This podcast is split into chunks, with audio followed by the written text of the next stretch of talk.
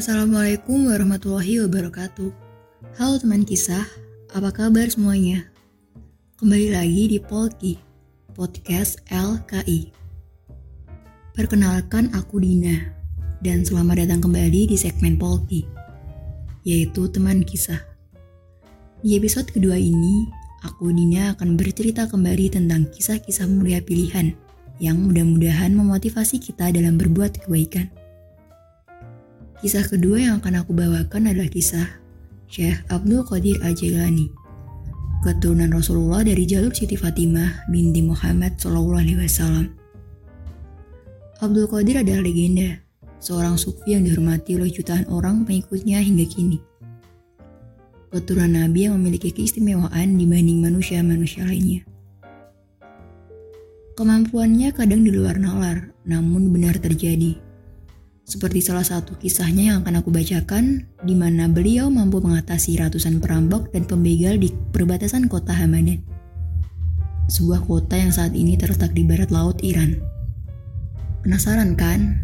Terus dengarkan segmen teman kisah ini sampai selesai ya.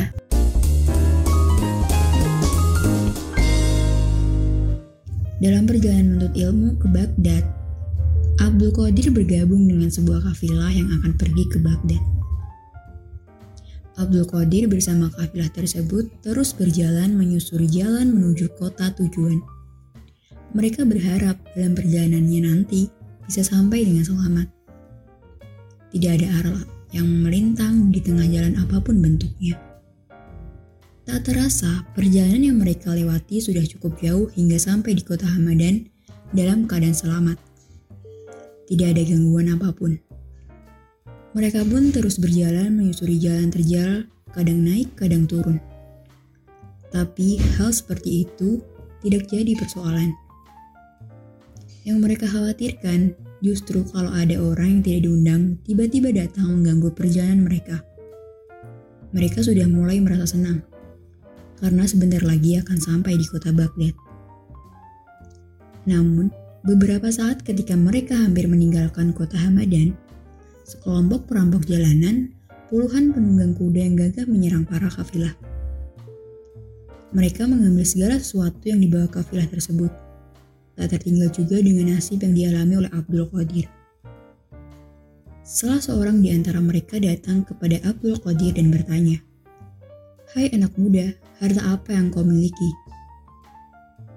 Untuk menyelamatkan diri, bisa saja Abdul Qadir berbohong. Tapi ia ingat nasihat ibunya bahwa dalam keadaan apa pun, ia harus berkata benar dan jujur. Akhirnya, ia pun menjawab dengan sebenarnya. Aku memiliki 40 keping emas, jawab Abdul Qadir. Di mana kau simpan? Tanya salah satu perampok. Di bawah lenganku, jawab Abdul Qadir dengan jujur. Tampang gembel gini ngaku kaya. Uh, dasar. Hadik si perampok sambil ngeloyor pergi. Mendengar jawaban Abdul Qadir, sang perampok ini tidak mempercayainya sambil tertawa dan meninggalkannya. Karena melihat Abdul Qadir dalam pakaian yang compang-camping, malah menduga Abdul Qadir seorang fakir miskin yang biasa meminta-minta. Perampok lainnya datang dan menanyakan hal yang sama dan Abdul Qadir pun mengatakan hal yang sebenarnya. Dia juga meninggalkan Abdul Qadir begitu saja. Namun, kedua perampok tadi sepertinya masih penasaran dan mengadukan kejadian aneh tersebut kepada pimpinan mereka. Di mana mereka sedang membagikan hasil rampasan. Lalu si perampok tadi menghadap kepala rampok sambil mengadu.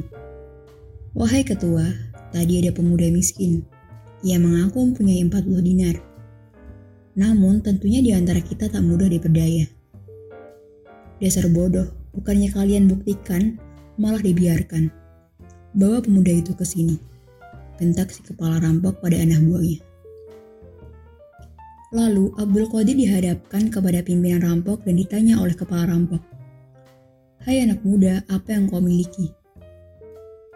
Abdul Qadir menjawab, sudah kubilang dari tadi bahwa aku mempunyai 40 dinar emas, dijahit oleh ibuku di bawah ketiak bajuku.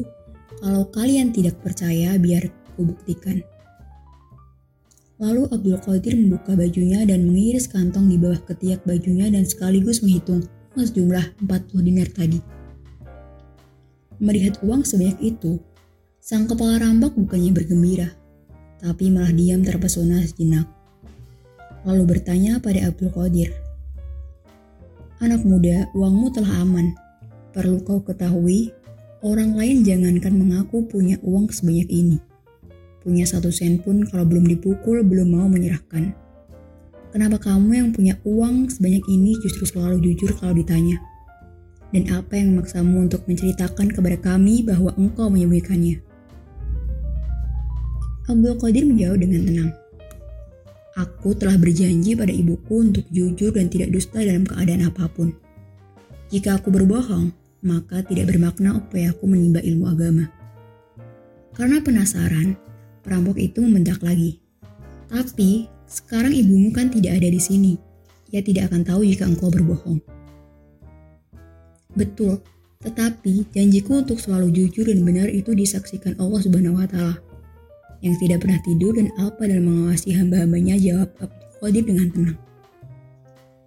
Ajaib, mendengar jawaban itu, sang kepala rampok tadi mendadak bercucurlah air matanya dan jatuh terduduk di kaki Abdul Qadir sambil berkata, Dalam keadaan segawat ini, kau tidak berani melanggar janji pada ibumu. Betapa hinanya kami yang selama ini melanggar perintah Tuhan. Dengan mencuri dan membunuh, apa yang akan terjadi pada kami? Sungguh engkau sangat berbakti pada ibumu. Dan engkau pun bukan orang sembarangan. Sekarang saksikan di hadapanmu bahwa kami bertaubat dari pekerjaan hina ini. Dan perampok lain, para anak buahnya memandang sambil berkata, Engkau telah menjadi pemimpin kami selama bertahun-tahun dalam perbuatan dosa ini. Sekarang juga engkau tetap menjadi pemimpin kami dalam penyesalan. Kemudian kepala perampok tadi dan anak buahnya mengembalikan semua barang-barang hasil rampokan kepada kafilah tadi. Anak buah perampok semuanya mengikuti jejak langkah pemimpinnya. Kembalilah mereka ke dalam masyarakat biasa mencari nafkah dengan halal dan jujur.